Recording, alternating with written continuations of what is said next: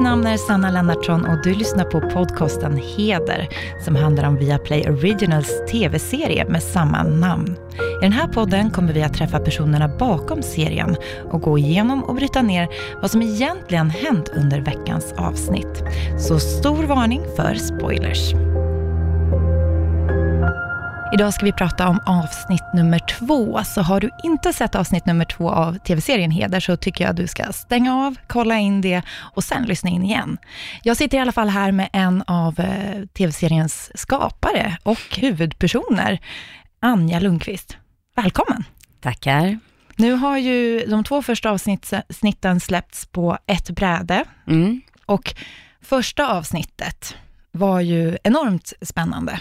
Ja, det hände väldigt mycket där. Ja, Mm. Mm. Och det avslutade ju med att Isabelle, den här eh, flickan som Heder företräder i ett eh, sexbrottsmål, Mm. hon kliver in på Heders tioårsfest. Helt blodig och Mm. damm. Och samtidigt så korsklipps det här med din karaktär Janni, Mm. som är hos sin före detta älskare som har blivit mördad. Ja. Mm. Det är ju... Berätta Anja, vad... vad händer? Vad händer? Ja, det är mycket dramatik. Vi ville verkligen ha en eh, inledning av serien som var maffig.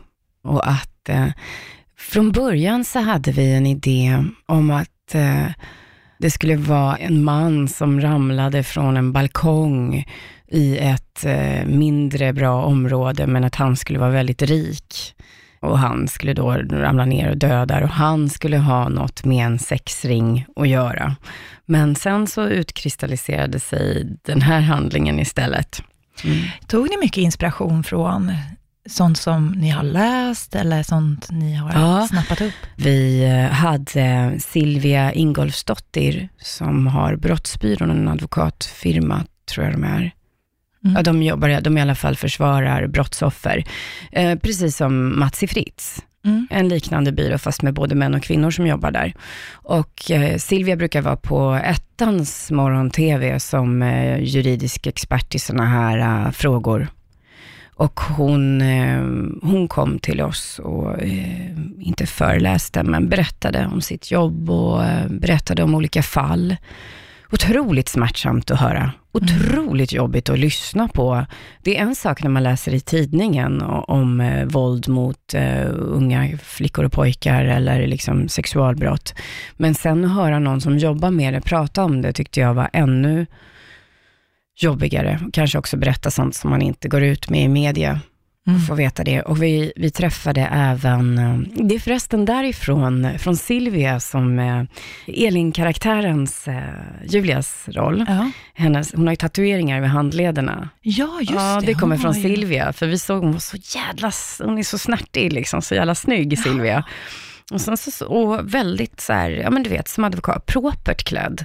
Så man är i en rättssal. Ja. Men sen så såg jag så men gud, hon har ju tatueringar runt handlederna så här. Så därifrån fick vi inspirationen till Julias karaktärs. Ja, för karaktären Elin då, som Julia spelar, hon har ju ett sånt här ett-tecken, ett Ja. sånt här internet Ja.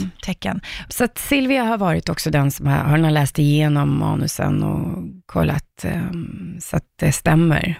Ja, det kan jag Ja. förstå, för jag tänkte Ja. säga, det är ju väldigt magstarkt det här ämnet. Mm. Och som du säger, ibland är nästan verkligheten ännu värre. Mm. Hur är det då liksom att hitta balansen att göra underhållning av ett sånt här jobbigt ämne? Det är många jobbiga erfarenheter och en del är väldigt laddat ämne. Mm, det är snarare svårt marknadsföringsmässigt, eftersom många journalister redan har jag märkt vill bara prata om, eh, jag förstår dem, men just det här ämnet och metoo och, men det här är ju en thriller. Mm. Det här är ju en thrillerserie, en underhållningsserie om ett jättejobbigt ämne.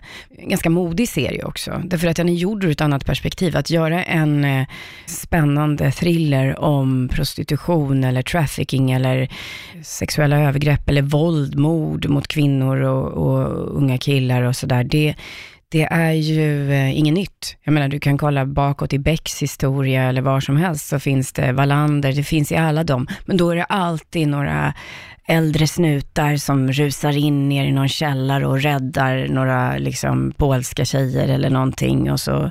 Det problematiserar inte. Jag Nej. tycker nog att vår serie problematiserar lite och det tror jag är för att de fyra huvudkaraktärerna har en hemlighet och de har ett förflutet som ju längre serien går, desto mer förstår man att detta är, den här hemligheten är också drivkraften till varför de jobbar med det här. Mm. Vi är ju bara på avsnitt två, men vi ska gå in lite på vad som hände just i avsnitt två. Vi eh, börjar ju helt enkelt eh, avsnittet, eftersom vi slutade så starkt Mm. med Isabelle på festen, så börjar vi avsnittet med faktiskt att Isabelle förs från festen till Mm. sjukhuset, samtidigt som Janni sitter på ett café. Mm. Prata med mig, vad är det som har hänt? Vad fan har du på dig? Vad hände med Isabelle? Hon blev attackerad och vi körde henne till akuten. Vad fan har du gjort? Han är död. Vem är det? Vad hon gör innan faktiskt tycker jag är nästan mest intressant, för Janni har ju tagit med sig eh, Seas rock.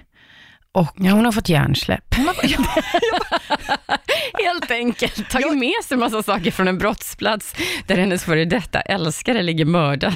Så Alltså, jag, får lite, jag får både panik dumt, och dumt. beundran över den här kvinnan. Mm. Alltså, hon är så handlingskraftig och bara gör så här, testar pulsen, Mm. ringer. Och, men samtidigt får jag som panik över och frustration. Då vet man vill bara skrika, man sitter där och bara nej. ja. Men hon slänger ju någonting i vattnet. ja. Och senare i avsnittet så nämns det att det är en burner. Mm. Vad är det? Ehm, det är som en telefon som, ja, med kontantkort som inte går att spåra, eh, tror jag. jag är inte helt bra på de här tekniska grejerna. Det är inte min starka sida i manus. Eh, inte privat heller, för den delen. Okej, vi kan ha lite reservationer, bara i grova drag. Grova drag. Ja, och då, eh, det är den som hon har haft kontakt med CA Mm. på, på den telefonen. Så där finns ju deras kommunikation, eh, Jannis och CAs. Så Mm. därför slänger hon den. Men hon är den här karaktären, Jan- Janni, vad kan man säga om henne? För hon är ju, hon verkar ju göra massa saker och jag vet inte alltid om hon tycker det är bra eller, eller är hon bara jättesnabb i tanken att dra slutsatser? Jag tror hon handlar innan hon eh, eh, tänker, ibland. Ibland blir det jättebra, succé, och ibland så går det åt helskotta. Eller blir något som de andra, eh, framförallt Nor och Karin, inte gillar. Man kan väl säga att Janni och eh, Ellen, Elin, ja. Elin, förlåt, Ja, det är ingen fara. ehm, är de som gör saker som också är handlingskraftiga på det sättet. Man kan säga att Janni är den som har kontakter på gatan. Hon räds inte att eh, söka upp folk i, eh, liksom, i skumma kvarter eller hon vet, hon kan slåss. Liksom. Det är det som det som har hänt. det finns inte mer riktigt i serien, men det är en tanke vi hade att det som har hänt tidigare i deras liv har påverkat dem på olika sätt och hon har tränat för att kunna försvara sig om det behövs. Sen är det väl inte alltid det lyckas, men hon har i alla fall gjort det hon kan. Liksom. För hon utsätter ju sig, också i det här avsnittet så finns ju en scen Mm. där hon bry- bryter sig in och man förstår inte riktigt först vart hon är. Jag förstod inte direkt Nej. var hon är. Mm. Men det är väldigt skumt, det är liksom som någon sån här eh, soprum nästan känns det ju Mm, som, mm. någon bakgård av något Mm. slag i alla fall. Och det visar sig vara en, en bordell. Mm. kan börja med massage och sen går vi vidare. Tre minuter. Men vänta, vi sa ju 20! Marre. Marre, Lägg av. kom. Hej. Är du okej? Alltså hur tänker hon där? Ja, det är en väldigt trashy bordell, och hon, eh, men hon behöver söka upp en av deras eh, klienter som eh, jobbar där. Hon behöver desperat få information om att hennes före detta älskare då, Sea, är eh, oskyldig. Att han inte alls har eh, våldtagit eller våldfört sig på Isabelle, som är det som Isabelle hävdar. Och Isabelle hävdar att hon har dödat honom i självförsvar. Men Janni tror inte på det. Hur är Janni och Seas relation skulle du säga? För man, man ser ju, hon och Matteo har en jättefin relation och de är så himla gulliga och det är sån Mm. snörp i magroten, Mm. fast ändå någon slags, ah, man Och ändå går hon och ligger med Sea. Ja, man, men, precis. Ja, det där är ju, det där diskuterade vi länge. Vad händer med publiken? Vad kommer de att känna inför en karaktär som redan i första avsnittet är otrogen mot någon som är jättefin? Vi sa, men det behöver man inte förklara, Nej. tänkte vi. Utan, man behöver inte mm, kratta för att man ska tycka om alla karaktärer, förstå varför de gör som de gör. Jag menar, hur många gånger har man inte börjat en serie med en man som har älskarinnor och grejer? Det, det är liksom ganska vanligt och ändå, det är ju mänskligt. Jag tycker det säger ganska mycket om Janni också, Mm. att som du säger, hon gör först och kanske tänker sen. Ja, precis. Och i den där stunden så växer ju någonting till liv som hon Ja. verkar ha haft med CA Mm. tidigare. Och sen så tror jag att det är ju någonting som har hänt i deras förflutna, som gör att de alla diffar lite. De är inte riktigt, riktigt i kontakt med sig själv i avgörande situationer. Så väljer de ibland fel, därför att de har inte kunnat bearbeta någonting som har hänt. Och det ställer ju till det nästan ännu mer, vilket Ja. stressar upp oss Ja. tittare. Så att hon älskar absolut Matteo, Mm. men hon går ju igång på spänning på något sätt. Ja. får henne att släppa allt. Och sen finns det ju en scen när Janni kommer upp på kontoret och säger till de andra att um, nej men det här, vi, vi måste, um, Isabelle ljuger. Mm. Hon har inte gjort det här, vi måste avsäga oss det här fallet, liksom, för att det här är något jävligt fuffens, det här stämmer inte. Och, och så säger hon, och den här, de här replikerna diskuterade vi, för vi ville ha med dem när Janni säger med full övertygelse, men jag känner CA, han är ingen våldtäktsman. Och de andra säger, hörde du vad du sa nu? Vad har jag missat? Magkänslan. Har hon sagt någonting som är sant? Allt styrker hennes berättelse. Men se, jag är ingen våldtäktsman. Jag känner honom för fan. Men Janne. Hör du hur det låter? Jätteintressant Mm. val av dialog där. Ja, Hur man på något sätt, för det där tycker jag, att man kan känna igen att många sa, just nu sa jag ju det att vi kanske inte ska prata bara om metoo här, men, Nej. men just under metoo-rörelsen, att det var så många som sa, ja men inte den jag känner. Nej, Nej. men han är inte sån, eller den är inte sån. Man står på de svaga sida, på kvinnornas sida Mm. och sen helt plötsligt är man villig att vända på det, för Mm. att det är någon man har en relation till. Mm. Var det medvetet att ni valde den? ja det var medvetet.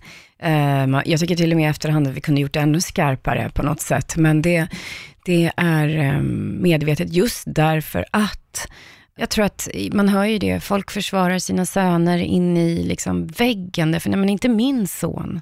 För det är klart, vi växer upp, vi får filmer, vi, får, vi växer upp med Disney och sånt, där den onda går runt och är så här ond.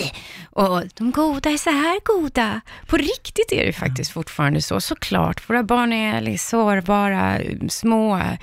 Vad ska vi annars berätta för typ av sagor? Liksom? Jag vet inte. Men, men det, är det, fortfarande är ju det merparten av allting. Och sen så växer man upp och ser, ser ondskan helt annorlunda ut. Och den finns i alla, som, precis som godheten. Det är det som är så jobbigt. Ja, men det är det där lite grann med att folk är lite, ibland, man tror att det ska svart eller vitt. Ja. Att, att, att en person kan ju, man kan ju vara en god person, men göra onda saker. Mm. Men som sagt, vi pratade om Janni Mm. och vem hon är som person. Är du lik Janni? Anja Lundqvist? Ja, jag är dumdristig fysiskt. Till exempel där när vi går ner, när jag går ner till bordellen så klättrar jag över en, ehm, en eh, ganska hög grind. Mm. Då säger Rickard Holm, som är, jag är ju väldigt liten person, jag är 1,57. Då säger han som är typ 1,95. Han är regissör. Han är regissör, ja. Mm. Även regisserat Gåsmamman och sådär. Eh, han har regisserat de fyra första avsnitten här av Heder. Då säger han, ja men det är bara, kolla här! Och så svingar han sig över och hoppar över. Att jag har liksom 10 centimeter klackar tänker inte jag på sen. Utan jag hoppar också, varpå vårt skyddsombud blir så jävla förbannad, Oskar. För jag skadar mig ju. Gjorde du vi det? borde haft en stuntman där. Ja, men alltså jag, eh, det är också lite roligt att vi är ju faktiskt 45 plus, alla som är med. Så vi sträckte oss lite och vi skadade oss lite. Vad hände, vad hände med dig där? Nej, jag är fortfarande hoppet? dålig i den foten. Det- Eh, Du skadade foten? Ja, det är tio månader sedan. Så att, men vi kunde fortsätta filma och så, men det är någon slags fraktur där inne i foten. Apropå att inte tänka efter före. Men hur lyckades, fick ni Linda spraya, för hur många scener hade ni kvar? Ni hade scener kvar antar jag? Ja, men eh, det här var ju bara exteriören, så interiören av den här scenen spelades ju in någon annan dag. Så att, eh, nej men det gick ju att gå på den här, men det finns någon scen faktiskt i något avsnitt när jag går efter Evas, eh, Eva Röses roll, Karin, på kontoret och jag haltar och så fruktansvärt. i de där högklackade skorna. Som, kommer hon lång och ståtlig, så kommer en liten haltande dvärg efter henne. Vi ska hålla utkik efter. Ja. Du får vara försiktig, Anja. ja. Den här bordellscenen bland annat eh, såg vi i det här avsnittet och är det så här på riktigt? Nästan, Mm. som du säger, man vill sätta lite skygglapparna på, hur ser verkligen ut? Och, Mm. Så det blev jag väldigt nyfiken på, vet ni om om det finns sådana här platser? Är det här någonting som ni har fått återberättat Ja. Ja, absolut. Och det finns mycket värre platser. Det, Simon Häggström är en polis som jobbar med, eh, han finns att följa, jag rekommenderar alla att följa Simon Häggström på Instagram. Ehm, han jobbar mot eh, prostitution och, och um, eh, torskar och allt sånt där. Och han, berätt, han har skrivit två böcker, men i alla fall den första, då när vi höll på med researcharbetet, tänkte jag, jag köper den här. Jag gick upp på Lens och stod och bläddrade på, på bokavdelningen där och bara kände, jag kan inte ha den här i mitt hem. Och det är andra människors verklighet och jag kan inte ens ha en bok om det i mitt hem, för jag klarar inte av det. Vad är det som går igång i dig då? Därför att han berättar om de här detaljerna som, han kommer in och det är en bordell med bara afrikanska kvinnor som är hittagna av någon och det ligger liksom blodiga tussar på ganska många ställen. Och vad är det? Jo, det är, det är liksom tussar som de stoppar upp för att stoppa mensen när kunden ska ligga med dem så att kunden ska slippa bli blodig. Alltså det är så såna små detaljer som gör att man förstår, det är någons vardag. Mm, det blir så verkligt på Det något som sätt. för mig är något som vi gör en serie om, eller något som man läser om i tidningen, är någon människas vardag. För att den personen inte har något val. Jag tror att många som går till prostituerade är så pass oreflekterade som människor kring sin egen roll i andra människors liv, hur man påverkar andra människor genom sina handlingar, genom att välja att köpa en annan människas kropp. De tror på riktigt att de gör en god gärning. Jag, jag blev kär i jättemånga av dem jag köpte. Jag tog hand om henne, hon fick extra mat. Alltså, på något sätt. Jag tycker Lukas Moodyssons Mammut beskriver ju det där väldigt väl.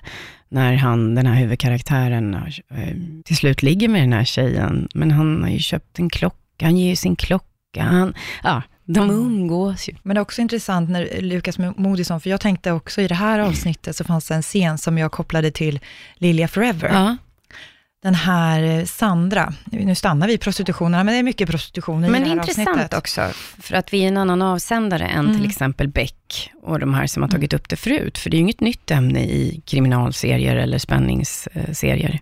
Mm, och det gäller ju som sagt att hitta den här bra, en balans som gör att man tar det på allvar Mm. och ser att det här kan vara en verklighet, Mm. utan att man liksom vill blunda för det och Nej. tar till sig det. Och det tror jag är mycket tack vare, varför vi kanske lyckas med det, det tror jag är tack vare att vi har en backstory, en hemlighet som man inte får veta, som gör att ehm, det handlar inte bara om det här, utan det handlar om någonting större. Men den här Mm. scenen som jag tänker på, som fick mig att associera till Lilja Forever, det är ju när den här Sandra, Mm. för det också vi pratade om, det var en sån här, den bordellen som är väldigt rough och, eh, vad ska man säga, trashy på ett sätt. Ja, det är en Alltså, trashig bordell som Ja. jag kommer till, eller som eh, Janni kommer till, och det är en tredje klassens bordell. Ja. Den här eh, Marre som jobbar där är gravid, höggravid. Eh, och det hörde vi också, så här, det finns de som betalar extra för att deras, toppen på deras eh, snopp ska komma så nära fontanellen på bebisen som möjligt som ligger där inne. Det finns så sjuka grejer, va? så att man bara... Ah, Men du bara- skojar, det är så obehagligt. Ja, det är väldigt obehagligt och väldigt fullständigt absurt. Och hon säger ju också, Marre, när de är på taket där, hon och Sandra va? Vad skulle du fråga om? Du vet en hel del om NEET-appen, eller hur? Men vi har pratat om det. De kommer liksom aldrig ta med dig. Men det är inte för mig, okej? Hon är i alla fall inte en sån som skulle få jobb via den här appen, för hon är för trashy. Hon är inte tillräckligt fin. Sandra är fortfarande ung och fräsch, men gammal och trasig inuti. Men utåt så är hon ung och fräsch och platsar då. Ja, och det är ju intressant hur vi ser liksom olika typer av prostitution, olika typer av torskar, Mm. olika liksom nivåer, som du säger, tredje klassen och sen är det lite mer första klassen. Mm. Sandra, den scenen tycker jag är också fruktansvärt obehaglig på ett helt annat sätt än den här Mm. bordellscenen. Det är ju när de här tre kan man kalla dem bratsen? Men Ja, tre det kan man göra. Ja, Mm. de, uh, Det är unga, pappa som betalar, säger den ena Ja. killen när de köper henne. Precis, unga rika killar som, som har fått det här, ja, precis i någon slags present är det väl inte, men det är Mm. pappa som betalar. Mm. Det, de behöver inte ens tänka på pengarna. Nej. Men vadå, varför ska du vara först för? Min farsas konto. Jag kan gå till systemet, så kan ni Men lägg av. Du kan inte missa den här chansen. Någon tittar på henne. Jag tycker det känns konstigt. Skärp dig. Jag och farsan bjuder ju. Vi kan ju köra allihop, annars. För mig är det lugnt. Bara jag får köra min grej liksom. Det blir som en gruppvåldtäkt i mina... Det är det ju egentligen, fast de betalar för det. I mina ögon så är ju att köpa en annan människas kropp, det är att köpa en annan människas farkost här i livet. Den människans skydd, den människans skal, allt liksom som den människan är här på jorden egentligen, om vi ska vara existentiella. Så för mig är det slaveri, egentligen, som vi fortfarande tycker är rätt okej. Det Man köper också någons integritet, Exakt. känns det som. Ja, det gör du verkligen. Du betalar för att den människan ska släppa sin integritet fullständigt. Men det som är ehm, i den här scenen tycker jag är så fint, just att det är pappa som betalar. Det är alltså en tradition som har förts vidare från far till son. Det är ehm, tre killar som man skulle kunna tycka om i massa andra sammanhang, eller hur? Och sen är det den här jätte, jätteblyga killen som egentligen inte vill och som sen gör mest skada, visar det sig. Mm.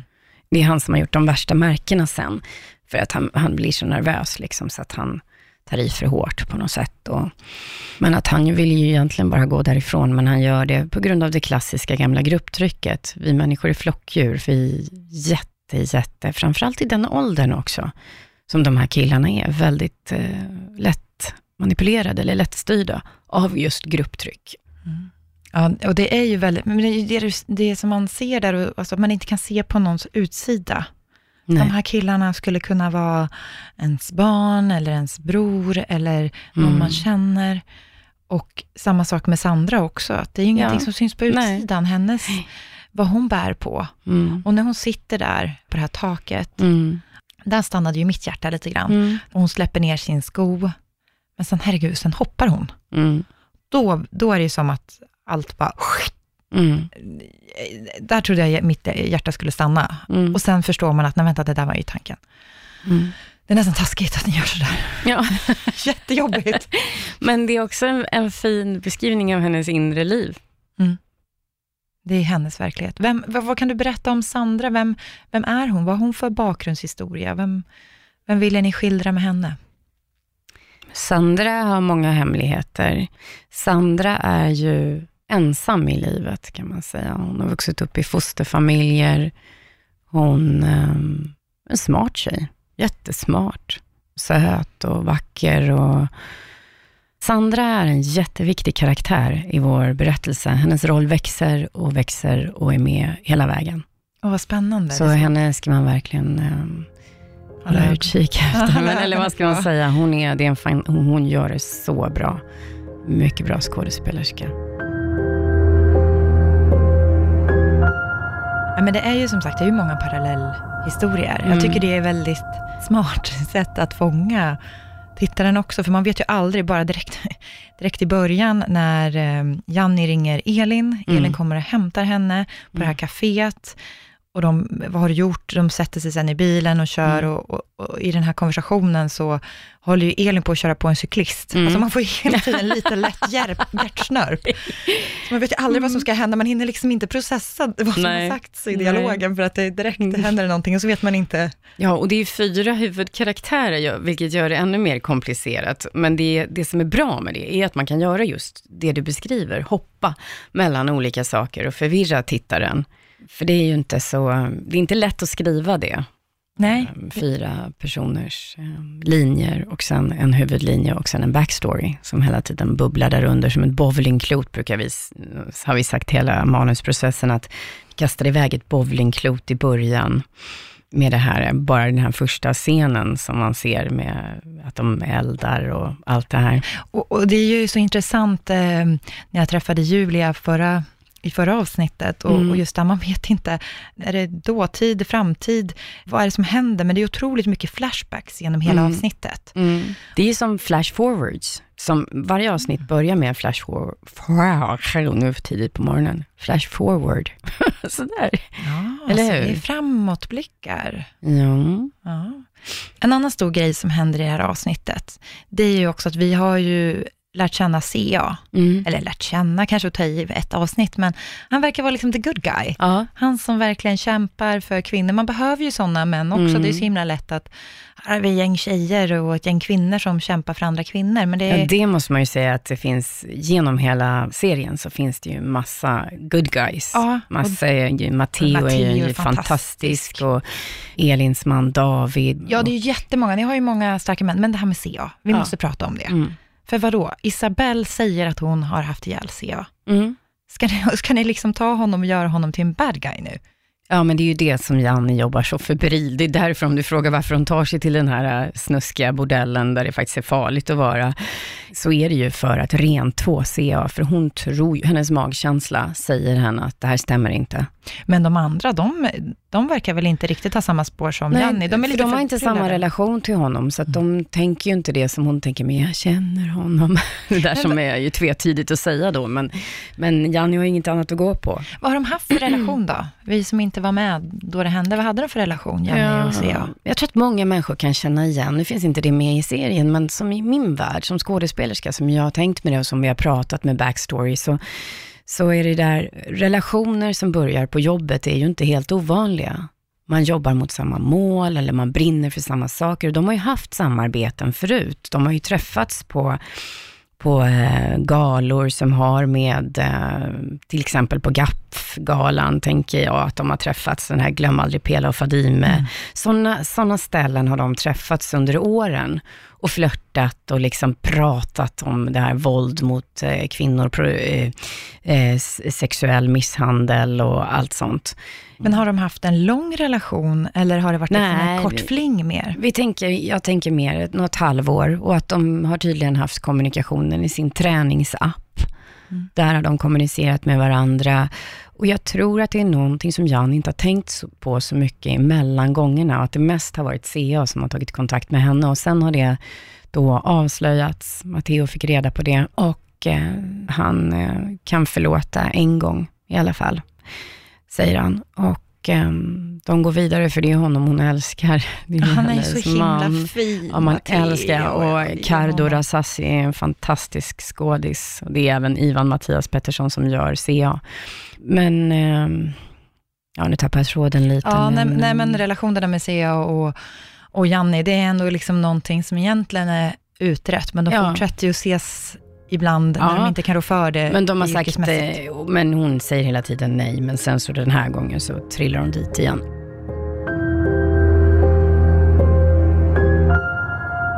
Rickard Holm är ju huvudfattare för Heder och också regissör till de fyra första avsnitten. Och när jag träffade honom så berättade han om hur metoo påverkade och faktiskt inte alls påverkade inspelningen av serien. Och eh, så här sa han. Själva problemet fanns ju innan metoo hände. Och vi startade ju ungefär ett år innan metoo briserade. Så att jag skulle säga att för historien och för manusarbetet har det inte betytt så mycket, utan det, här var den historien som vi ville berätta innan metoo hände, därför att problemet fanns redan där och hade funnits, ja, har ju alltid funnits. Men tror du en serie som Heder skulle kunna fått ännu mer genomslagskraft om metoo inte hade hänt? Att det kommer som något helt nytt då? Nej, det, det, jag tror att det är klart att vi får lite skjuts av det, det tror jag. Mm. Men alltså, en sak som samtyckeslagen när den kom, det var ju någonting som vi kände att, för det, den lagen fanns ju inte när vi skrev manuset. Så det var ju en sak vi stoppade in, som en replik till exempel. Så det var ju bara bra att vi kunde få med det, så att det känns som, eftersom den ska ju, även om vi gjorde den nu förra året, så ska den ju utspelas i år. Mm. Så då hade det varit konstigt om samtyckslagen inte var med i vår serie. Ja, för hur, hur, du pratar ju om den här balansen, men hur gör man att man tar ett så här otroligt tungt och allvarligt ämne och sen gör underhållning av det? Ja, alltså tanken är inte att ämnet i sig ska vara underhållande, utan eh, tanken är att, att serien, upplevelsen och resan med de här karaktärerna ska vara underhållande och lite av ett thrilleräventyr. Men när du stänger av tvn så ska ämnet sitta kvar och gnaga lite i huvudet.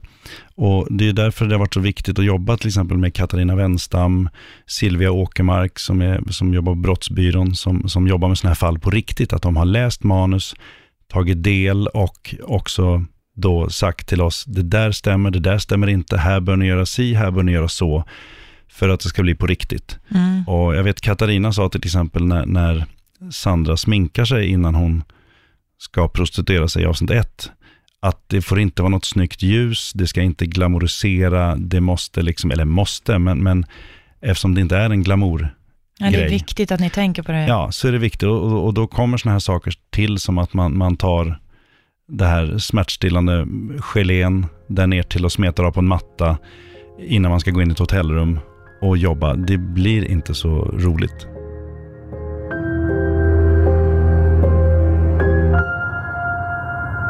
Men vi pratade ju lite om eh, Matteo Mm. och eh, man märker också hur fin han är här i avsnitt två. Mm. När han kommer hem och, och Janni och Elin sitter vid köksbordet Mm. och han kommer hem och berättar vad som har hänt, att Sia har dött Mm. och att han har fått det här uppdraget. Han är otroligt gullig. Mm. Han är varm, han har en fantastisk röst, man vill bara kura ihop sig. Han är tryggheten, det känner man ju. Och man blir ju lite så här, då får man ju också så här, åh, det här blir inte bra. Förra Nej. avsnittet så fick Janni ett eh, återfall Mm. hos sin älskare. Mm. Och den här, i det här avsnittet så ljuger hon för Mm. honom. Det är ju, oh, det känns ju som att han förtjänar bättre. Ja, det gör det. Fast man tycker ju om Janni också såklart. Ja. Men, och sen dyker ju eh, Fredrik Granbergs karaktär dyker ju upp Ja, också. Mm. Berätta, Micke. Vem, Micke ja. Mm. Vem är han? Micke är polis, precis som eh, Matteo. De är kollegor, väldigt nära varandra, jobbar ihop. Och nu har Matteo då, i detta avsnitt, så får ju han ehm, sitt första stora fall.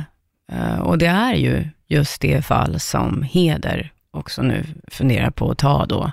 Såklart. Såklart. Så att det kommer att krocka och det får det ju inte göra. Då måste ju antingen Janni eller Matteo hoppa av.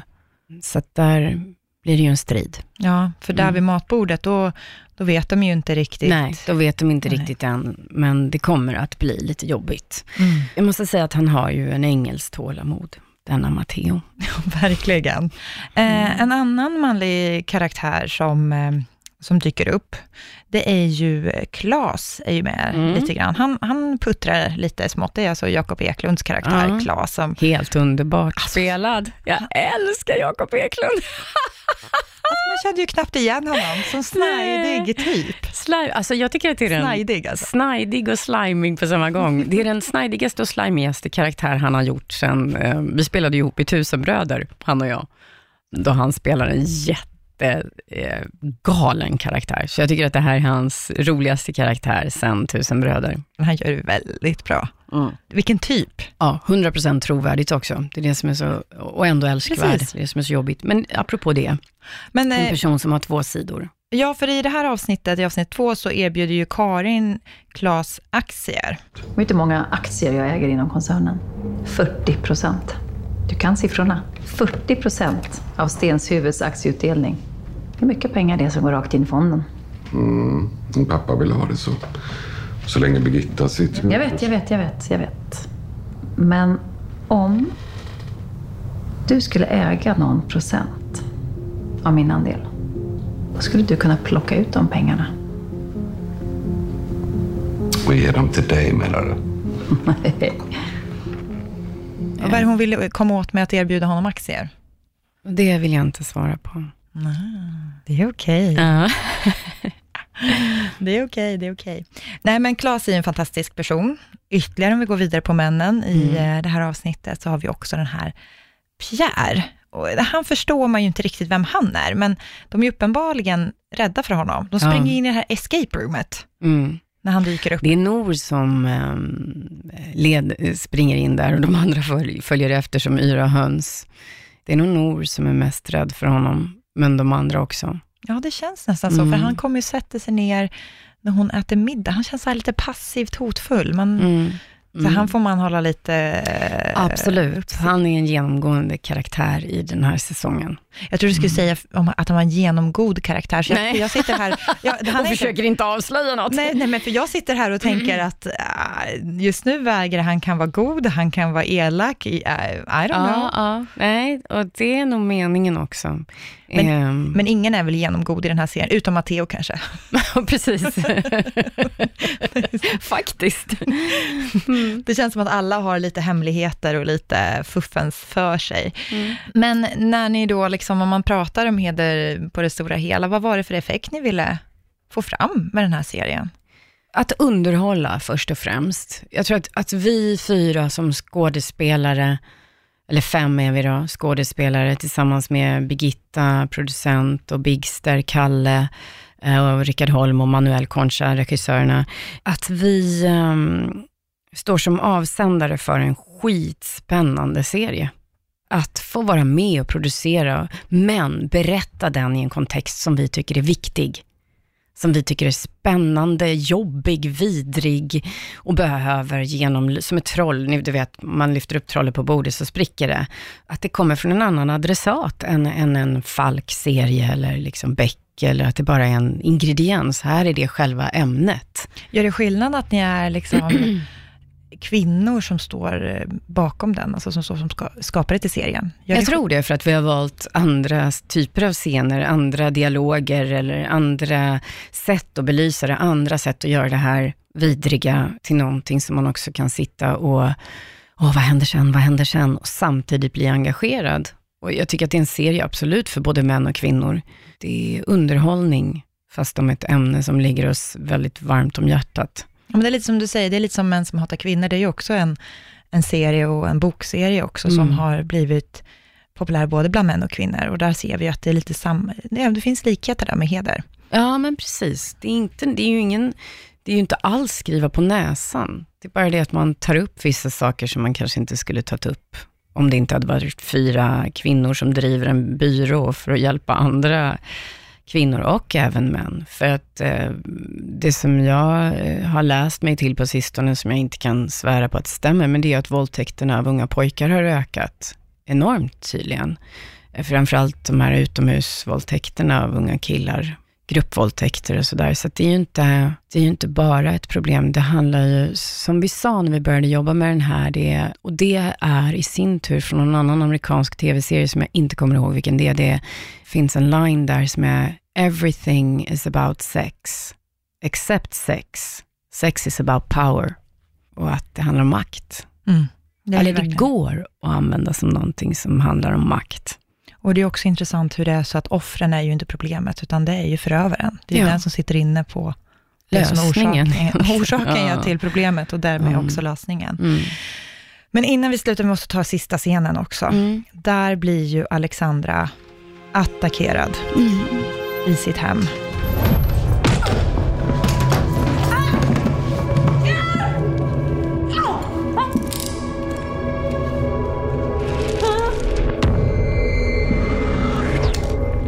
också sån integritetskränkning. Mm. Det är ju, vi har ju sett henne liksom slå ner någon man på gatan, hon är ju på sin vakt. Mm. Alla de här kvinnorna verkar ju ha en hotfull situation och mycket trakasserier kring mm. dem. Men här är det någon som verkligen... Bryter sig in i hennes hem, ja. Går innanför för dörren. Och också så obehagligt tycker jag att den här personen tar blod, alltså skär henne och bara tar lite blod. Mm. Och varför? Men, Varför skadar inte den här personen Nor mer? Varför vill den här personen bara ta lite blod? Det är ju väldigt spännande också. Ja, vad vill den här personen? Obehagligt. Det är ju otroligt spännande. Och sen så man ser att det är en, en person som går in. Sia hade ju flera personer som stod och hotfullt bankade ja. i avsnitt ett. Så man blir ju så här, är det här samma personer? Är det olika? Ja, det är... Vi, Många vi lösa trådar nu, eller hur, som hänger där och dinglar. Ja, och så otroligt taskigt att vi måste avsnitt. vänta en vecka till mm. nästa avsnitt kommer. Mm. Otroligt roligt att ha dig här, Anja. Tack, eh, Jättekul att vara här. Ja, och glöm inte att titta nu på Heder, om mm. ni har råkat gå in och fått alla spoilers. Mm. Så titta, det är, blir spännande. Uh.